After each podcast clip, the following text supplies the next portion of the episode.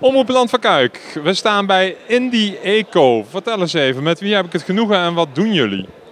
Nou, wij zijn Indie Eco, wat je al uh, goed uitspreekt. Het is individuele ecologie. Dat... Kijk, dat, dat, is ook even goed om te weten waar een naam voor staat. Dat betekent eigenlijk dat wij uh, producten in ons assortiment hebben om een uh, duurzaam, duurzaam gebouw te realiseren. Een duurzaam gebouw kan een particulier gebouw zijn, maar het kan ook een bedrijfsgebouw zijn. En dan hebben we ons gericht op duurzaamheid zo breed mogelijk.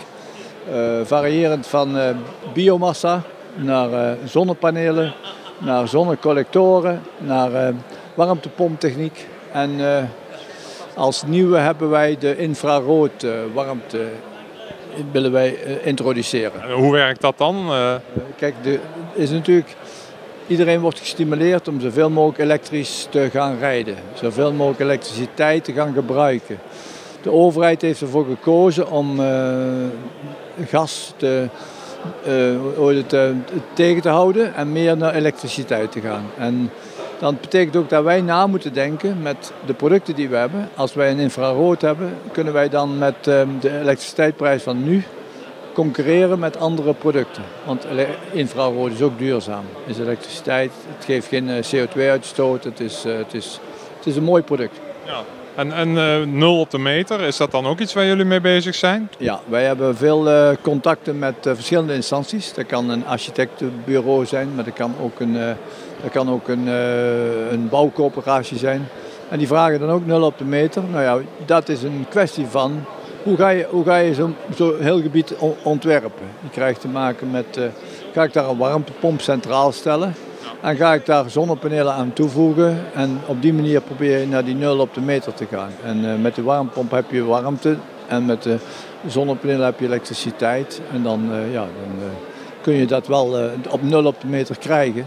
Maar dat betekent wel dat je nog steeds de overheid nodig hebt om dat op te kunnen vangen. Juist, ja, milieu staat natuurlijk de laatste tijd erg in de aandacht. Hè. We hebben nu natuurlijk ook weer met het CO2-gebeuren te maken. Is dat ook nog iets waar jullie een bepaalde bijdrage aan kunnen leveren om dat te reduceren?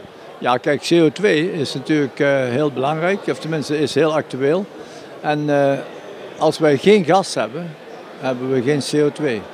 Alleen ja, nu hebben we de discussie over biomassa met CO2. Ja, dan wordt er gezegd, oké, het is CO2-neutraal. Alleen ja, de bomen nemen CO2 op en wij stoken het op in hele korte tijd en dan brengt het CO2. Dus daar is nu een discussie.